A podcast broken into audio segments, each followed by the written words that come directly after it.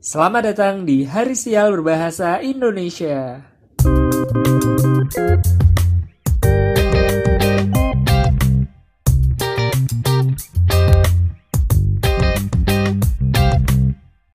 Halo, selamat datang di Hari Sial Berbahasa Indonesia. Um, gue ada beberapa berita yang lucu-lucu banget. Gila ya, seminggu ini giliran gue sibuk aja banyak berita lucu. Um, yang pertama gue lihat tuh dari Elon Musk. Jadi Elon Musk itu sempet ditantangin sama eh bukan bukan Elon Elon Musk yang ditantangin. Uh, jadi PBB tuh minta minta Elon Musk atau in general sebenarnya bilioner ya bilioner tuh uh, PBB-nya bilang nih eh uh, harta harta Elon Musk 2% dari harta Elon Musk uh, itu bisa untuk ini dia bilangnya gini uh, ini beritanya ya. David Beasley, Direktur Program Pangan Dunia PBB atau WVP, menyatakan bahwa hanya dengan 6 miliar US dollar uh, dari hartanya Elon Musk itu bisa mencegah 42 juta orang dari kematian akibat kelaparan gitu kata Beasley. Dan jika WVP bisa uh, dan Elon Musk-nya ngebales nih Gila gue suka banget Elon Musk uh, karena tengil dia orangnya uh, terlepas apakah nanti dia bener atau salah uh, ketengilan orang yang emang punya power tuh menurut gue menarik gitu. Seru aja gitu. Terus Elon Musk tuh nge-tweet uh, jika WVP bisa menjelaskan di tweet twitternya itu dengan tepat uh, gimana 6 US dollar 6 miliar US dollar itu akan mengatasi kelaparan? Uh, dia bilang dia mau jual saham Teslanya sekarang dan dia akan melakukan hal tersebut gitu. Uh, ini menarik karena karena menurut gue ya dalam dalam setiap kebijakan yang berbau uang yang membutuhkan uang kalian tau sih kalian tau gak sih? Masalahnya tuh bukan di bagaimana cara mengumpulkan uangnya. Masalahnya itu selalu berkutat di siapa yang mengelola uangnya gitu. Aduh gitu lihat aja deh lihat aja deh pejabat di Indonesia pejabat di dunia. Semua juga aliran dana tuh gak relatif gampang didapatkan men sebenarnya. Lo bayangin aja pajak yang dihasilkan di Indonesia aja tuh udah berapa miliar triliun bahkan per per either um, tahunan atau bulanan gue kan pasti tinggi gitu loh dan dan ini nyatanya Indonesia nggak maju-maju aja cuma ya gini-gini aja. Ya ada sih beberapa proyek yang memang membuat Indonesia terlihat lebih maju daripada tahun-tahun sebelumnya cuma apakah itu secara efektif menangani permasalahan yang ada di Indonesia? Saya rasa tidak. Dan begitu juga di dunia gitu. Dan ini ini menarik gitu karena karena ini tuh karena gue tahu Elon Musk itu uh, at some point kayaknya tuh dia emang bergerak di kemanusiaan gitu. Ambisinya untuk mengeksplorasi Mars itu tidak datang semata-mata.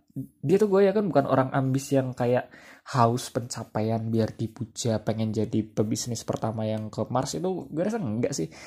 Um, kalaupun iya pasti ada lah kayak satu dua titik di di ambisinya itu uh, ya dia doing it uh, karena humanity aja gitu mungkin dia udah udah pesimistis ngelihat penduduk bumi jadi dia pengen bikin atau lo lihat ini gak sih film uh, Watchmen uh, seriesnya gitu jadi di series Watchmen itu si salah satu tokoh utamanya Dr. Manhattan itu dia demigod uh, setengah dewa gitu dan dia ciptain koloni di Mars yang yang nggak kayak manusia di bumi gitu yang yang serakah dan sering bertengkar gitu. gue rasa Elon Musk akan jadi uh, Dr. Manhattan versi real life. Seenggaknya itu cosplay paling mirip dari Dr. Manhattan sekarang ya Elon Musk. Tinggal dicat biru aja sama telanjang aja. um, dan ini menarik karena gue gue tuh nggak tahu nih oke okay, mungkin uh, saat ini lembaga yang paling kredibel dalam penyajian dan pengkajian data dalam skala internasional terutama terkait masalah-masalah kemanusiaan adalah PBB dan ya bisa dibilang eh, WVP juga mungkin salah satu lembaga yang uh, sangat kredibel gitu kan. Uh, dan gue nggak punya prediksi apakah siapa yang akan bener, apakah Elon Musk, apakah WVP, atau jangan-jangan uh, ini cuma gertak sambal. ya lo tau kan Elon Musk tuh suka dalam tanda kutip memancing kontroversi mulai dari smoking di podcastnya Joe Rogan sampai pom pom kripto yang uh, ya itulah. Um, susah susah untuk nebak stance-nya Elon Musk tuh susah dan menarik nih. Soalnya dia berani dia berani berani nantangin gitu berani nantangin PBB itu keren lu tau gak sih ini tuh kayak aktor individual yang saking powerfulnya dia bisa menggoncangkan stance-nya NGO gitu gila. NGO yang skalanya udah udah paling gede lah PBB mana ada yang lebih gede dari PBB kan? Ini keren banget men. Uh, sangat menarik untuk kita nanti apakah PBB berani menanggapi tweetnya si Raja Pom Pom atau enggak uh, bahkan di luar oke okay lah kalau kalau ngomongin realisasinya mungkin agak-agak susah ya. Uh, tapi PBB mau nanggepin Elon Musk mau membuktikan pernyataan Elon Musk atau enggak aja itu udah udah menarik banget men. Terlepas dari siapa yang benar dan siapa yang salah itu udah menarik banget. Dan Elon Musk kan nyuruh dia untuk menjelaskan gitu. Gue jadi inget um, nanti lo juga denger kalau misalnya lo udah denger udah denger juga uh, di salah satu episode gue ngomongin kayak uh, masalahnya di pemerintahan Indonesia dan mungkin pemerintahan dunia itu adalah HR-nya tetap dari mana-mana itu HR. Emang ada quotes yang bilang kayak no system is safe. Iya, celah dari sistem itu ya manusianya, bukan dari mesinnya mesin bisa karatannya mesin karatan lah bisa di, diganti diperbaiki lah manusia mau mau gimana. Dan ini menarik banget sih uh, ya gue sangat menantikan hasil kelanjutan si war ini.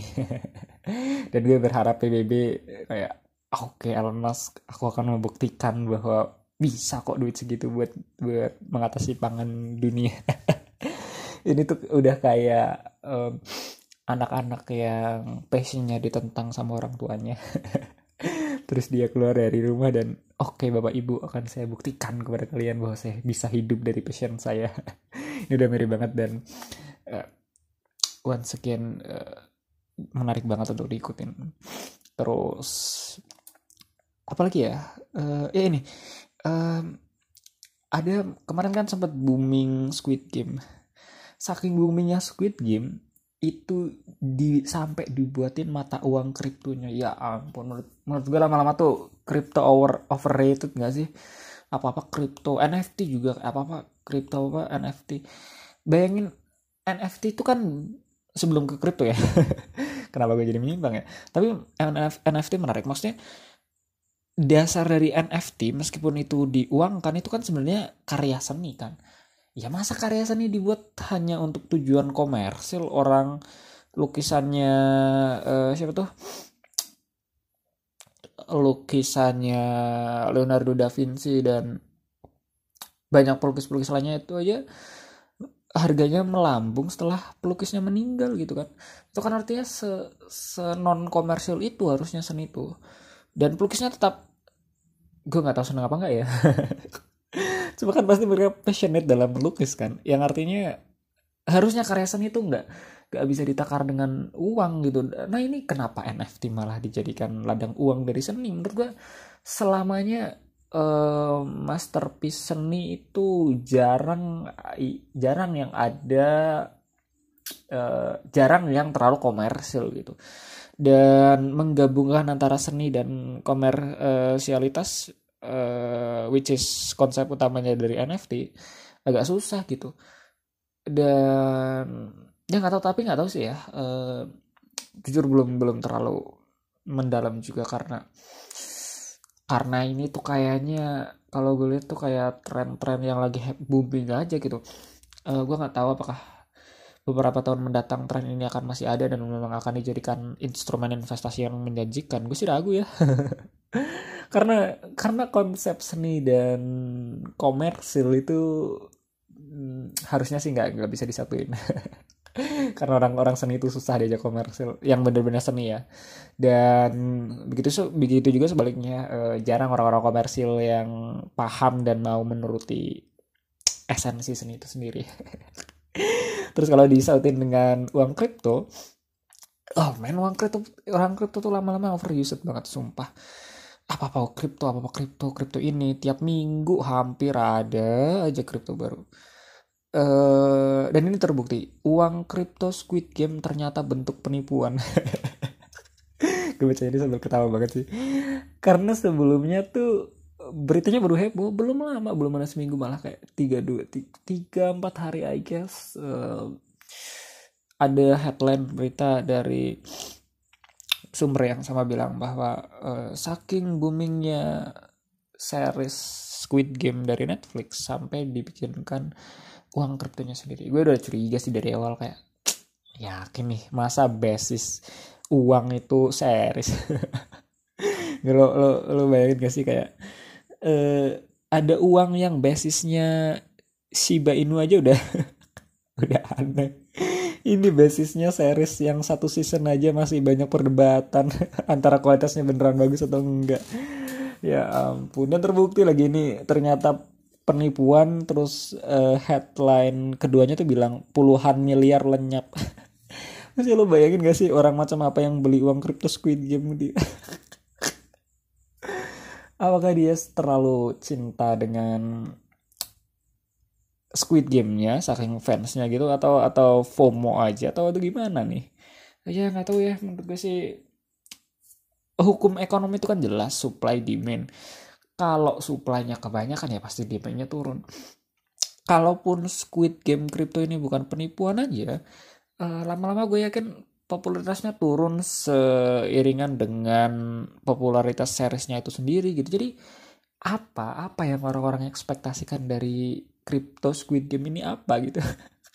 Udah gitu tambah-tambahan lagi um, ternyata penipuan ya Allah kasihan banget. Um, turut prihatin ya.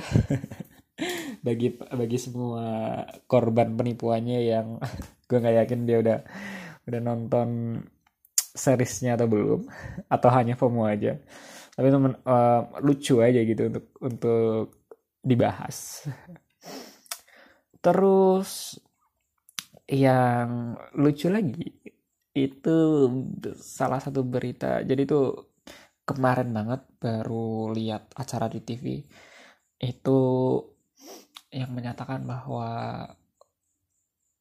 heboh atau kurang lebih tagline-nya gitu. Uh, intinya ada orang tua yang dititipkan ke panti asuhan, eh panti jompo, panti asuhan buat anak-anak.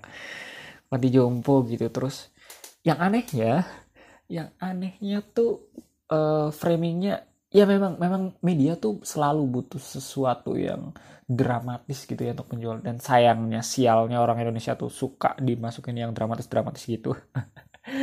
Jadi gue sih nggak kaget ya kalau headline beritanya tuh kayak uh, tega sekali so uh, tiga anak memasukkan ibunya ke panti jompo gitu. Gue mikir ketika lihat berita tuh ah yang bener nih masa masa iya? Kayaknya ada sesuatu di balik itu deh. Dan maksudnya kan ya kita kenapa media selalu memframing berita kayak gitu dengan nada yang kasihan tanpa tanpa ngasih tahu backgroundnya? Kayak emang media nanyain si anaknya alasan anaknya itu untuk uh, kenapa dia masukin ibunya ke panti jompo? Kenapa media cuma cuma nanyain? Dan gue juga gue juga nggak yakin si medianya nanyain ibunya. Jangan-jangan tuh media cuma kayak ambil sepotong terus dia bikin narasi sendiri biar laku dijual gitu. Ya gak tau lah media sekarang mah. Sebenarnya nggak media sekarang. Media dari zaman dulu juga sebagai alat propaganda. Kalau dulu alat politik sekarang buat cari duit ya nggak jauh beda. Ya kaget juga sih. Dan yang menggelikan adalah eh, di situ tuh ada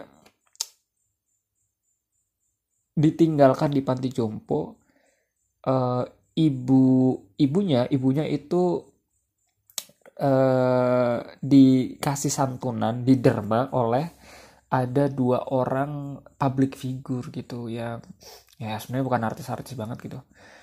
Nah uh, sampai-sampai dia tuh ibunya tuh dibeliin emas terus nggak tahu lagi dibeliin HP kalau nggak salah kemarin ya if I was not mistaken. Buat apa gitu? Maksudnya yang pertama nih ya yang pertama eh, kenapa artis ngasih emas ke ibunya?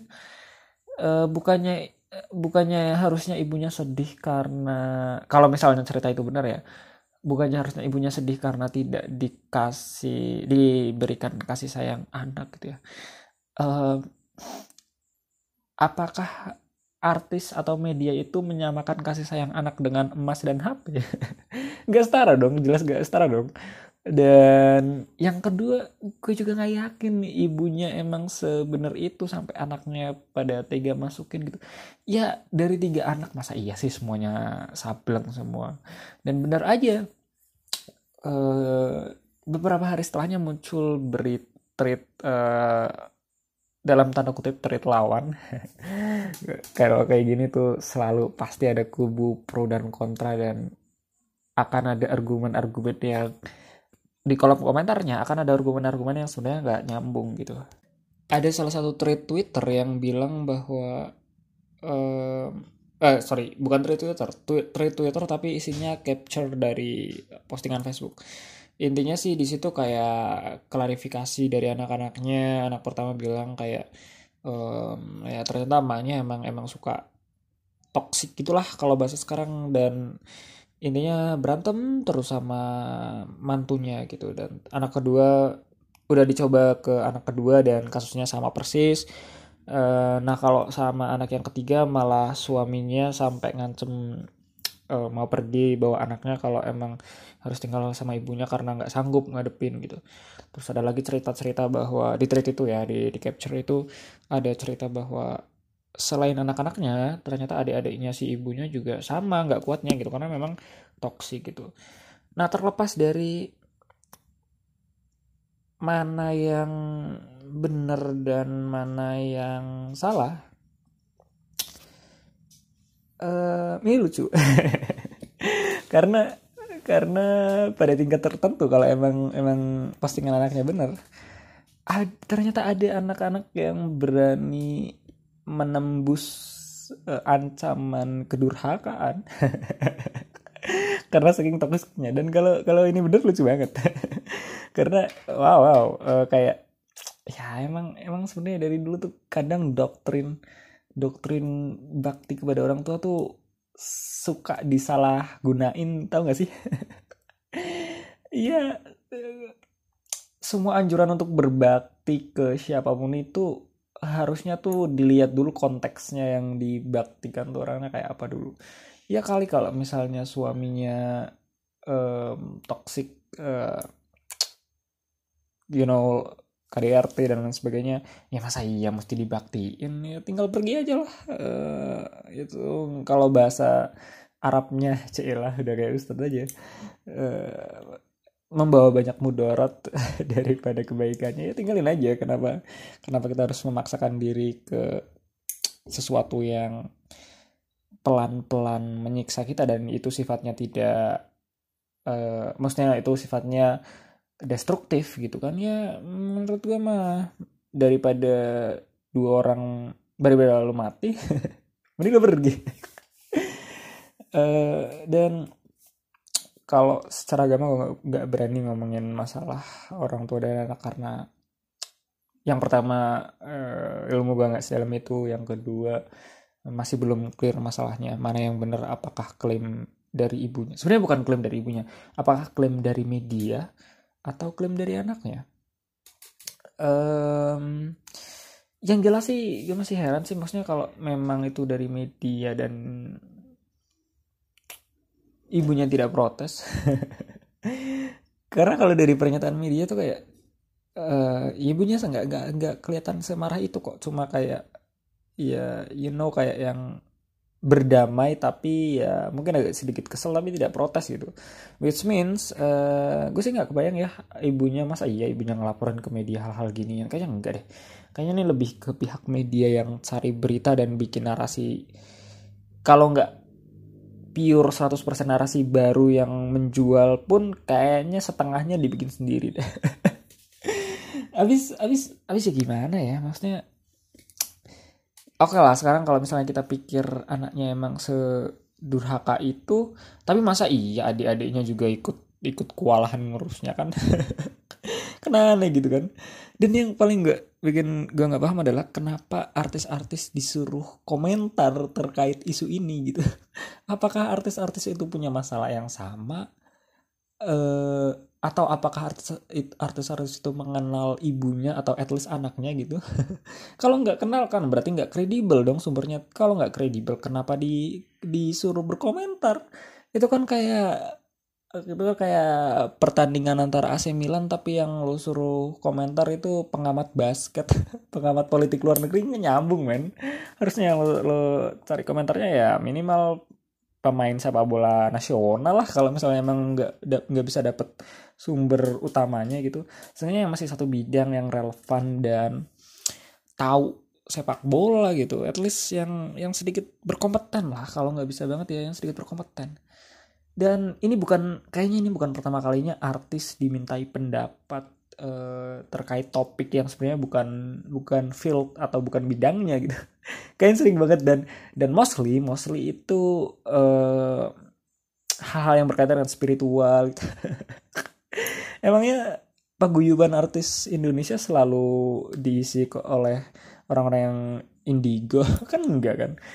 Nggak nyambung aja gitu. Maksudnya uh, aduh pokoknya udah aneh banget deh media nggak tahu media dulu gimana cuma kalau media sekarang tetap aneh aja sih. Um, kenapa media nggak nggak nggak mencoba menelusuri ini atau nggak men, nggak mencoba meresearch ini dari kedua belah pihak itu meskipun ya itu kayaknya lebih lebih fair lebih adil daripada minta pendapat artis deh lagian kalau di setahu gue ya setahu gue kalau misalnya mau mediasi juga pihak ketiganya harus tahu duduk perkaranya kok nggak nggak serta merta orang luar gitu. Bangin ada Amerika berantem sama Cina terus mediasinya negara yang tidak berhubungan dengan kedua negara tersebut kan eh, jatuhnya malah perang gak sih? Bukannya ya emang harus netral cuma ya minimal harus tahu duduk perkaranya juga gitu loh. Kenapa media tuh suka sembarangan cari dan mostly artis lagi. Ya kalau artisnya ada hubungannya sih nggak apa-apa tapi kalau enggak ya gimana? Um, terus berita terakhir yang menurut gue unik adalah um, Kim Sean Ho uh, aktor utamanya Hometown Caca-Caca lucu banget ya Caca-Caca uh, gue nggak nonton seriesnya cuma beberapa beritanya gue baca yang dia kena kasus gitu ya gue tuh selalu penasaran ya uh, setelah ada yang diduga korban terduga korban itu speak up di luar itu kenapa gue nggak pernah lihat kasusnya itu sampai selesai gitu loh. Contohnya uh, ini uh, Kim Son Ho yang yang katanya aktor k aktor kah gitu ya. Terus ada kasusnya Gofar Hilman. Terus ada kasusnya siapa lagi ya? Pokoknya banyak banget kasus yang Turah Patria. Tahu gak sih itu yang yang uh, vlogger dari vlogger Indonesia yang belajar di Korea? Terus sering banget dan mostly adalah kasus pelecehan seksual yang yang gak ada ujungnya gitu. Kayak tiba-tiba redup aja gitu nggak nggak ada nggak ada klimaksnya nggak ada apakah dia ditangkap ataukah itu cuma ataukah itu cuma tuduhan tidak berdasar itu nggak ada gitu loh. Cuma Saipul Jamil doang yang gak, sial banget sih Saiful Jamil um, dia sampai penjara.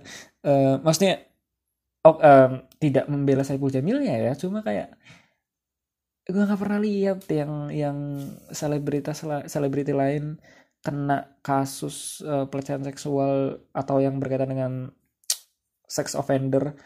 Ada ujungnya kasusnya gitu. Ujung-ujungnya biasanya kelelep dan ya nggak klimaks gitu anti klimaks aneh aja. Jadi menurut gue Saiful Jamil uh, salah satu orang yang sial sih. Um, dan oh ya yeah, anyway uh, soal aktor kak itu uh, gue tadinya sih mau ngomongin gitu kayak uh, dia dia comeback kan. Dan sepanjang gue ngikutin kasus sex offender kayaknya ini comeback tercepat ya.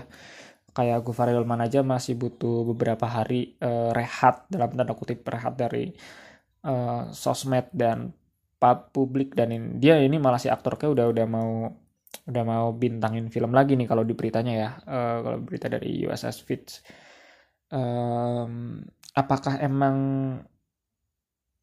gimana ya maksudnya kayak nggak nggak pernah jelas kenapa kasus kayak ini tuh nggak nggak pernah diungkap ke publik gitu. Kalau mau bikin penasaran ya spill jangan nanggung-nanggung lah. Itu ngeselin banget gak sih kalau bayangin ada teman lo yang ngegosipin teman lo yang lain. Tapi gosipnya tuh nanggung kayak nggak nggak kelar gitu. Itu ngeselin banget sih. Uh, ya terus kalau mau kasih kasih tahu perkembangan ke publik ya yang lengkap dong storynya. Ini kan kayak lihat lihat film trilogi tapi filmnya drop di chapter pertama karena kehabisan budget kan kesel gitu loh itu aja sih nggak uh, ada nggak ada komentar tentang kasusnya cuma ngeselin aja gitu. Memancing memancing memori kepada kasus-kasus yang lain gitu. Uh, gue gue nggak membela sex offendernya sih. Uh, barangkali nanti dibelinter ya kata-katanya. Mungkin itu aja kasus-kasus yang menurut gue menarik selama belakangan ini dan dan ya lucu dari beberapa sudut pandang. eh, nggak uh, tahu deh kalian eh, nggak uh, tahu deh lo nemuin lucunya atau enggak. Cuma kalau dipikir-pikir kadang kadang ada paradoks saja gitu dan menarik gitu. Oke mungkin mungkin itu aja sih. Um,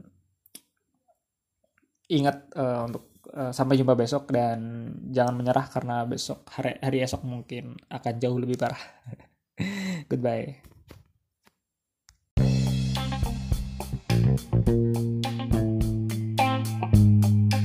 Hai, makasih ya udah dengerin asupan komedi mingguan siniar Hari Sial.